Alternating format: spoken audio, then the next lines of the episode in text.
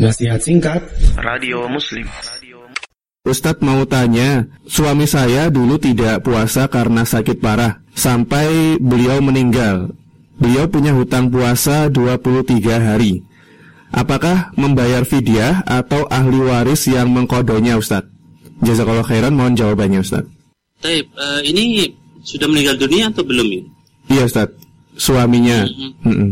Baik. Ya, ketika sudah meninggal dunia, ya. Jadi eh, ketika sudah meninggal dunia maka amal seorang hamba itu terputus ya. Jadi apakah harus mengganti qadha atau membayar fidyah.